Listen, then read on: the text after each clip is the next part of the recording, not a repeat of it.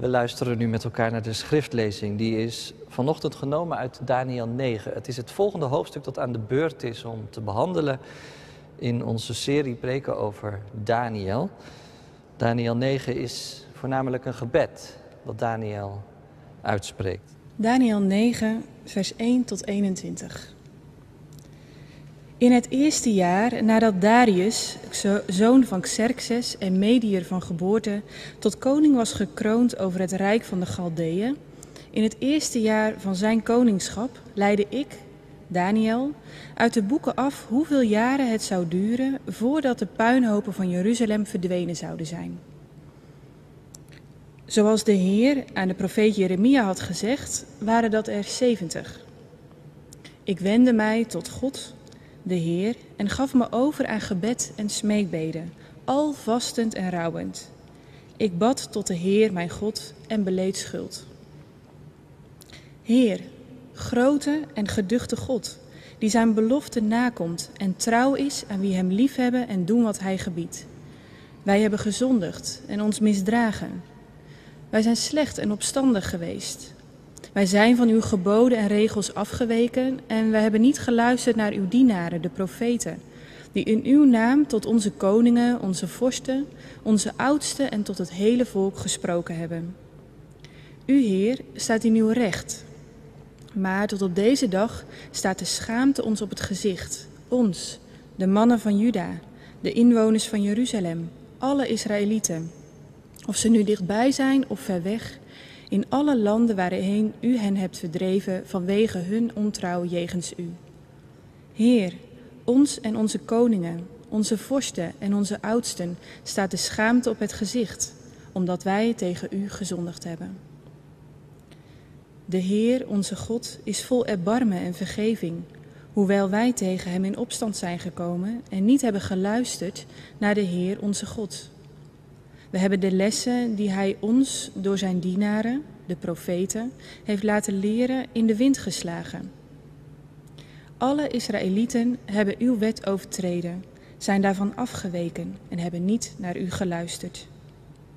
De met een eed bekrachtigde vervloekingen die, zijn op, die opgetekend staan in de wet van Mozes, de dienaar van God, zijn over ons uitgestort. Want wij hebben tegen u gezondigd. God heeft groot onheil over ons gebracht en het dreigement uitgevoerd dat hij tegen ons en onze leiders had geuit. In de hele wereld is nog niet gebeurd wat Jeruzalem is overkomen. Het kwaad dat over ons gekomen is, staat al beschreven in de wet van Mozes. En toch hebben wij de Heer, onze God, niet gunstig gestemd door afstand te nemen van onze overtredingen en uw waarheid in acht te nemen. Welbewust bracht de Heer onheil over ons. Want de Heer, onze God, is rechtvaardig in alles wat Hij doet. Maar wij hebben niet naar Hem geluisterd. Nu dan, Heer, onze God, die uw volk met krachtige hand uit Egypte hebt weggeleid en daarmee uw naam hebt gevestigd tot op deze dag, wij hebben gezondigd. Wij hebben ons misdragen. Heer, u bent rechtvaardig Bevrijd toch uw stad Jeruzalem, uw heilige berg, van uw hevige toorn. Want om onze zonden en om de overtredingen van onze voorouders worden Jeruzalem en uw volk te schande gemaakt bij alle volken om ons heen. Luister daarom, onze God, naar het gebed en de smeekbeden van uw dienaar. En zie uw verwoeste heiligdom met mededogen aan, ook omwille van uzelf. Geef, mijn God, Gehoor aan ons en luister naar ons. Open uw ogen en zie de verwoesting van de stad waaraan uw naam verbonden is. Niet omdat wij rechtvaardig zouden hebben gehandeld, leggen wij onze smeekbeden aan u voor, maar omdat uw barmhartigheid groot is. Heer, luister naar ons. Heer, vergeef ons. Heer, verhoor ons gebed. Wacht niet langer en grijp in, mijn God, ook omwille van uzelf. Want uw naam is verbonden aan uw stad en aan uw volk. Terwijl ik nog sprak en bad, mijn zonde en de zonde van mijn volk Israël beleed, en mijn smeekbeden omwille van de heilige berg van mijn God richtte tot de Heer mijn God, Terwijl ik mijn gebed nog uitsprak, vloog de man Gabriel, die ik eerder in het visioen had gezien, snel naar mij toe. Het was de tijd van het avondoffer. Gemeente van Christus hier in de kerk en thuis met ons verbonden. Ik heb de indruk dat de storm een beetje is overgewaaid. Ik bedoel deze storm van het bekladden en neerhalen van standbeelden in de publieke ruimte. In Amerika, maar ook wel in Europa. En dan natuurlijk niet de standbeelden van uh, Luther en Calvijn, hoewel dat ook geen heiligen waren natuurlijk. Maar wel van een heleboel andere figuren uit de geschiedenis. Waarvan we nu eigenlijk pas gaan zien hoezeer ze zich te buiten gingen aan onderdrukking en machtsmisbruik met alle gevolgen van dien eigenlijk. Ook onze vaderlandse geschiedenis is niet zonder vlek of blaam. En dat roept dan vervolgens de vraag op of we daar vandaag nog iets mee zouden moeten. Moeten we bijvoorbeeld niet een waarheidscommissie in het leven roepen als het gaat over ons slavernijverleden? Of moeten we niet over sommige dingen heel expliciet schuld beleiden? Als samenleving, maar ook wel als kerk. Nou ja, de meningen hierover zijn nogal verdeeld. Sommige mensen twijfelen eraan of je sowieso wel schuld kunt beleiden voor de misstappen en de zonden van het voorgeslacht. En anderen kunnen zich eindeloos verliezen in de tekst van zo'n schuldbeleidenis. Wat er wel in moet en wat er niet in moet en hoe het dan geformuleerd moet worden. En of dat er ook niet nog even bij getrokken moet worden. Nou ja, vanmorgen lazen we een schuldbeleidenis. Dat is duidelijk uit Daniel 9. En we gaan vanmorgen goed naar die schuldbeleidenis kijken. Wat zegt Daniel eigenlijk precies? En wat kunnen we ervan leren als het gaat om onze eigen schuld? Kunnen we er vandaag ook iets mee met wat we daar opmerken? Nou, in het gedeelte dat we lazen, zien we Daniel inderdaad schuld beleiden. En hij doet dat in het gebed. Nu wisten we al dat Daniel regelmatig bidt. Drie keer per dag. In hoofdstuk 6 hebben we dat gezien.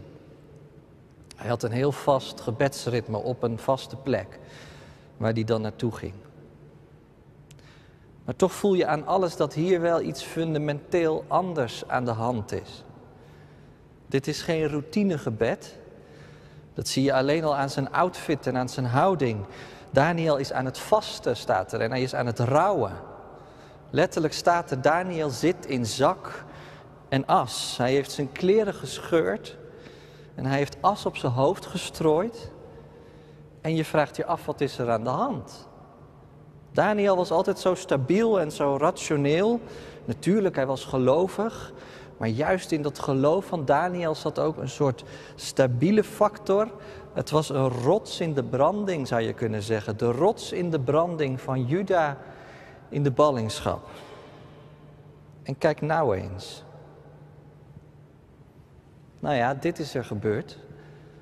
Daniel heeft zojuist iets in de Bijbel gelezen. En wat hij gelezen heeft, dat zet ineens zijn hele dagelijks leven op zijn kop. Even voor de beeldvorming, Daniel had natuurlijk geen Bijbel op zijn nachtkastje liggen, waar hij af en toe eens een psalm uit las of een stukje uit Genesis of zo. Maar er waren in de ballingschap wel synagogen waar de Joodse geschriften werden bewaard en waar ook af en toe uit de boekrollen gelezen werd. En een van die boekrollen die heeft Daniel erbij gepakt. En dat is de boekrol, de profetie van Jeremia. Nog niet zo oud. Geschreven helemaal aan het begin, voordat het volk in ballingschap werd weggevoerd. Daniel leest het in het eerste jaar van koning Darius, op dat moment moeten we deze gebeurtenis dateren. En volgens veel uitleggers is het goed mogelijk dat dat in het 68ste jaar van de ballingschap is geweest. Een ballingschap die inderdaad 70 jaar zou duren. Dat heeft Daniel gelezen bij Jeremia en zo staat het inderdaad ook in Jeremia 29. Dit zegt de Heer, als er in Babel 70 jaar voorbij zijn, zal ik naar jullie omzien. Dan zal ik mijn belofte gestand doen door jullie naar Jeruzalem terug te laten keren. En dan wordt het natuurlijk wel duidelijk waarom Daniel zo verontrust is. Nog twee jaar. En dan mag het volk terug naar Jeruzalem. Nog twee jaar en we worden bevrijd. Maar dat is niet zozeer reden voor vreugde bij Daniel. Ik heb me een beetje af proberen te vragen wat er toch aan de hand is met Daniel. Misschien wel dit, misschien dacht hij wel twee jaar, dat is wel heel snel. We hebben ons al zo gesetteld hier in den vreemde. Drie generaties lang. En dat had God ook zelf gezegd in Jeremia 29. Bouw huizen en ga daarin wonen. Leg tuinen aan en eet van de opbrengst. Ga huwelijken aan, verwek zonen en dochters. Neem in aantal toe. En bid tot de Heer voor deze stad Zet je in voor haar bloei. Want de bloei van de stad is ook jullie bloei. Jeremia 29 zegt het allemaal. En dan ineens nog twee jaar. Dat kan je zomaar gebeuren dat je denkt, ik heb nog even. Je hebt er eigenlijk helemaal geen erg in dat de tijd verstrijkt, totdat het ineens vijf voor twaalf is. En Daniel die schrikt daarvan. Het roept allerlei vragen in hem wakker. Jeremia kan dat nou wel gezegd hebben, maar is het ook waar? Daniel weet natuurlijk als geen ander wat er speelt aan het hof. Misschien zegt hij wel, er zit helemaal geen beweging in de exitpolitiek. En de cijfers wijzen een hele andere kant op. Misschien heeft Daniel ook wel dit gedacht.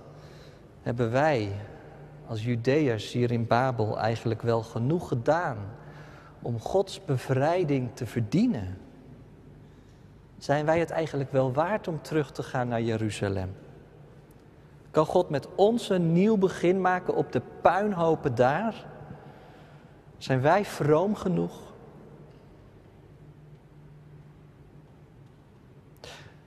Nou ja, dit gebed is eigenlijk een soort zwerfsteen in deze hoofdstukken in het tweede deel van het boek Daniel. Dat hebben we al gezien, hè? dat deel is apocalyptische literatuur. Het gaat voornamelijk over de toekomst. Daniel krijgt inzicht in de geschiedenis en uitzicht op de toekomst in dit deel van het boek. En dan is er ineens dat gebed. Dat gebed laat eigenlijk zien wat die visioenen met Daniel doen. Dat inzicht en dat uitzicht. Dat maakt niet dat hij achterover gaat leunen en denken het komt wel goed. Zo van als het Gods tijd eenmaal is, dan, dan merken we het wel. Nee, Daniel wordt door die visioenen tot in het diepst van zijn hart geraakt. Ze brengen hem in verwarring, staat er in hoofdstuk 7, vers 15. En aan het einde van hoofdstuk 8 staat er dit. Daniel is verbijsterd en uitgeput en zelfs enkele dagen ziek. Hij is er ziek van.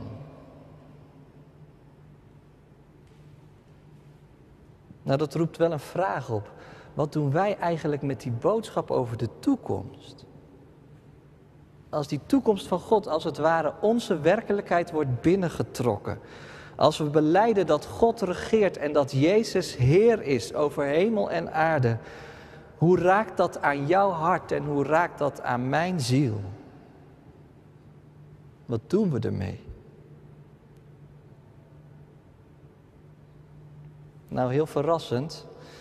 Daniel komt er door in de schuld. Wil God ons werkelijk redden? Dat is toch volkomen onlogisch als je bedenkt hoe ver we van Hem zijn afgedwaald. Dat gaat best wel diep. Dat voel je wel aan, denk ik. Ik weet ook niet of je het herkent. Dat je Gods belofte kent en dat je Gods belofte gelooft en dat je er soms toch ook aan twijfelt. Niet eens omdat je zo verschrikkelijk cynisch of sceptisch bent, maar gewoon omdat je denkt, dat hebben we toch helemaal niet verdiend met elkaar, dat het goed komt met de wereld. Kijk hoe we met elkaar omgaan en hoe we met de aarde omgaan. Wil God met ons een nieuw begin maken? Nou ja, ik denk dat het toch wel die emotie is die Daniel op de knieën brengt. Dat die gaat rouwen. Waarom gaat hij eigenlijk rouwen? Nou, niet omdat hij iemand verloren is, maar misschien wel om zichzelf.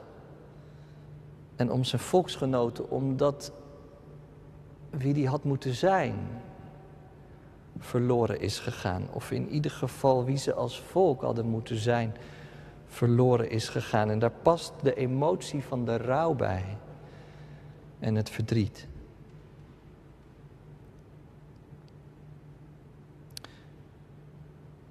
Nou ja, als Daniel schuld gaat beleiden, dan doet hij dat vervolgens heel grondig. Hij gaat eigenlijk eeuwenlang terug in de geschiedenis. Inderdaad, hij beleidt ook de schulden van de voorvaderen. Schulden die zich jaar in jaar uit hebben opgestapeld. Lees het gebed nog maar eens door. We hebben gezondigd tegen God en ons misdragen. We wisten van Gods goede regels. We waren dienaren van God en profeten die in zijn naam hadden gesproken. Ze hebben ons alles geleerd, maar we hebben de lessen in de wind geslagen. We zijn zelf tegen God in opstand gekomen. En eigenlijk, zo eindigt het gebed, is het helemaal terecht dat we hier in ballingschap zitten. We hebben Jeruzalem en God te schande gemaakt. Misschien denk je wel, nou, nou, dat is wel heel heftig. Moet dat nou, Daniel? Jij was toch nog wel vroom? En jij weet toch als geen ander dat God heel genadig is? En bovendien, jij hoeft het je toch niet aan te rekenen. Je bezit over een geest van veel verstand en inzicht en wijsheid. Je bent door en door betrouwbaar. Doe je jezelf nu niet een beetje tekort? Maar ik zou zeggen, nee, zeker niet. Want wat Daniel doet is juist bijzonder heilzaam.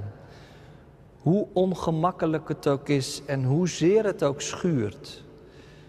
Zeker voor ons. Want volgens mij is juist in onze tijd en in onze cultuur schuldbeleiden heel problematisch. Ik weet niet of je wel eens aan iemand een bepaalde boezemzonde hebt opgebiecht. Nou, dan weet je wel hoe pijnlijk dat is. En hoe moeilijk. Maar misschien ook wel hoe heilzaam dat kan zijn. Om juist iets te delen van wat je niet kon. De schrijver J.M. Coetzee schreef ooit een essay over de manier waarop sommige mensen zo'n schuldbeleidenis proberen te omzeilen. Volgens Coetzee doen ze dat door een autobiografie te schrijven. Nou ja, denk ik dan niet iedereen krijgt die kans, maar goed. Het is in ieder geval een prima manier om een aantal oneffenheden in je persoonsgeschiedenis voor goed glad te strijken. Maar helaas staat zo'n verhaal dan maar al te vaak vol met halve waarheden en met feiten die je vooral met een korreltje zout moet nemen. En ook als je geen autobiografie schrijft, dan herken je er misschien wel iets van. Eerlijk zijn over je fouten en je verkeerde keuzes, wie durft dat? Maar als je het durft, zo zegt Coetzee, dan maakt je dat tot een ander mens. Het opent namelijk de weg naar de vergeving. En pas wanneer een mens genade ontvangt, kan een zorgvuldig opgebouwd, maar niet altijd waarheidsgetrouw zelfbeeld veilig worden ontmanteld. Coetzee zegt, oprechte zelfkennis krijg je niet door alleen maar met jezelf bezig te zijn, maar door te gaan geloven in vergeving. Het sprak me wel aan dat fragment.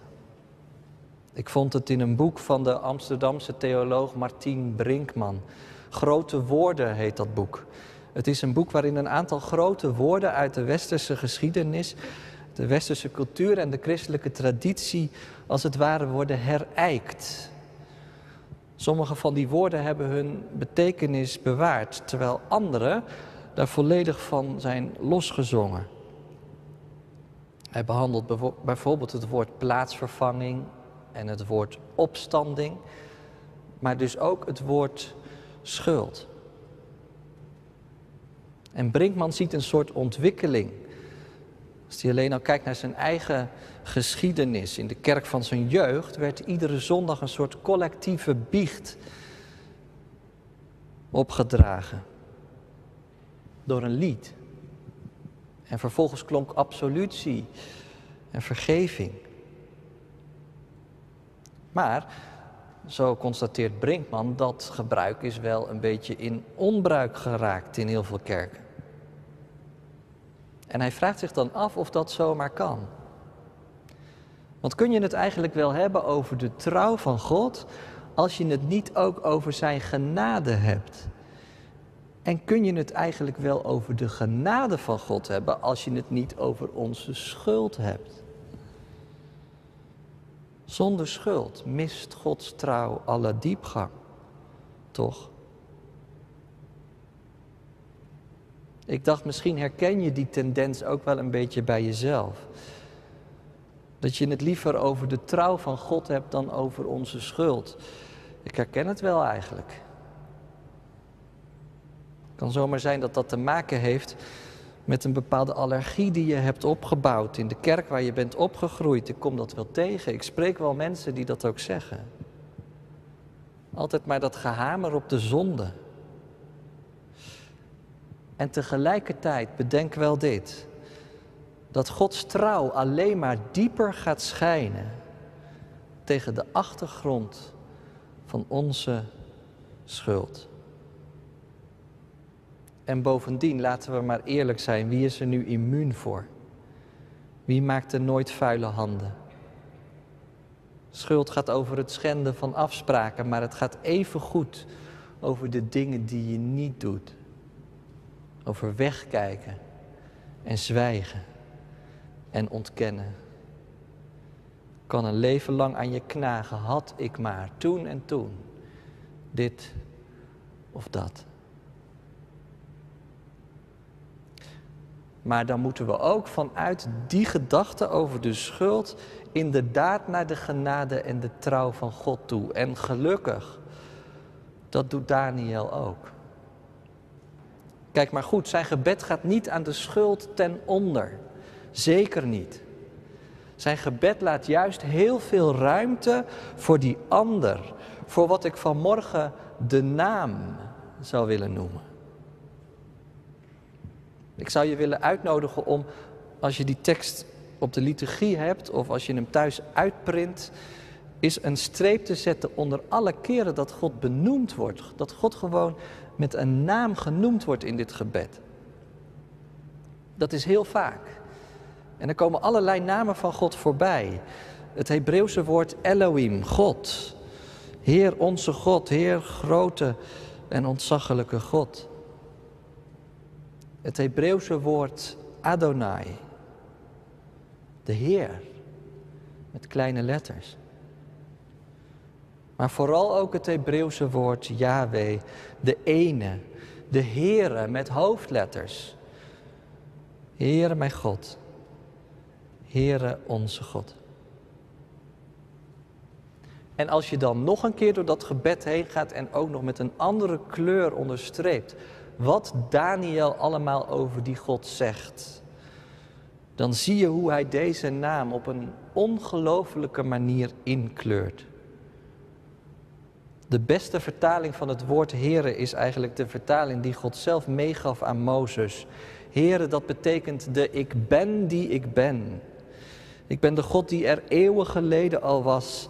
En ik ben de God die er eeuwen vanaf nu ook zal zijn. Maar ik ben ook dezelfde die ik toen was. Die ben ik nu en die ben ik straks. Wat ik eeuwen geleden deed, dat doe ik ook nu. En dat heeft Daniel heel scherp voor ogen en dat geeft hem ook de uitweg uit de schuld waar hij mee zit. Dit is de God die groot is en geducht en die zijn belofte nakomt. Die vol erbarmen en vergeving is, die Israël bevrijdde uit Egypte. En daarmee, zo staat er, zijn naam heeft gevestigd. En inderdaad, vervolgens lees je hoe Daniel ook daar de vinger bij legt. Jeruzalem is toch uw stad en wij zijn toch uw volk. U wilt toch uw naam gestand doen? Nou, het is wel duidelijk, als die glorieuze toekomst waar het in die visioenen over gaat ooit waar zal worden, dan is dat niet te danken aan de vroomheid van Daniel. Zo brengt hij het zelf helemaal niet. En ook niet aan de heiligheid van het volk. Dan is dat te danken aan de trouw van God en aan Gods naam.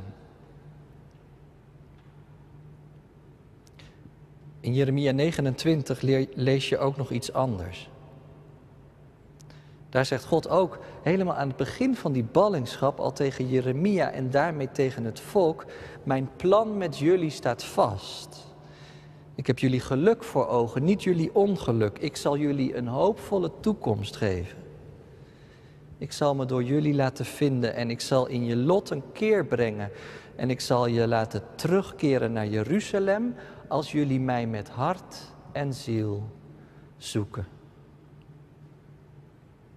Nou, Daniel geeft een inkijkje in hoe dat er nou uitziet, dat je met hart en ziel God zoekt. Dat gebeurt hier. En als Daniel zijn gebed dan heeft uitgesproken, dan vliegt de engel Gabriel, die hij eerder in het visioen al gezien had, naar hem toe. En die geeft hem uitleg. En dat moet je thuis ook nog maar even doorlezen. Dat is eigenlijk wel heel bijzonder. Want die engel die zegt, er is een woord uitgegaan toen je smeekgebeden begonnen. En ik ben gekomen om het over te brengen, wat dat woord is, dat de kreet van God, want jij bent zeer geliefd. Dat vond ik een heel ontroerende uitspraak. Je bent zeer geliefd, Daniel. Waarom? Omdat je eerlijk bent ten opzichte van God en ten opzichte van jezelf omdat je je ogen niet hebt gesloten voor de schuld en niet wegkijkt van het kwaad. En precies daarom, omdat Daniel niet wegkijkt, opent die engel nogmaals de toekomst en het perspectief dat er ligt. De engel zegt, er zullen zeventig zeventallen volgen. Daar kun je nog eindeloos over doordenken wat dat nou precies betekent. Ik las één uitleg. Het zijn 70 periodes van steeds zeven jaar, zou kunnen.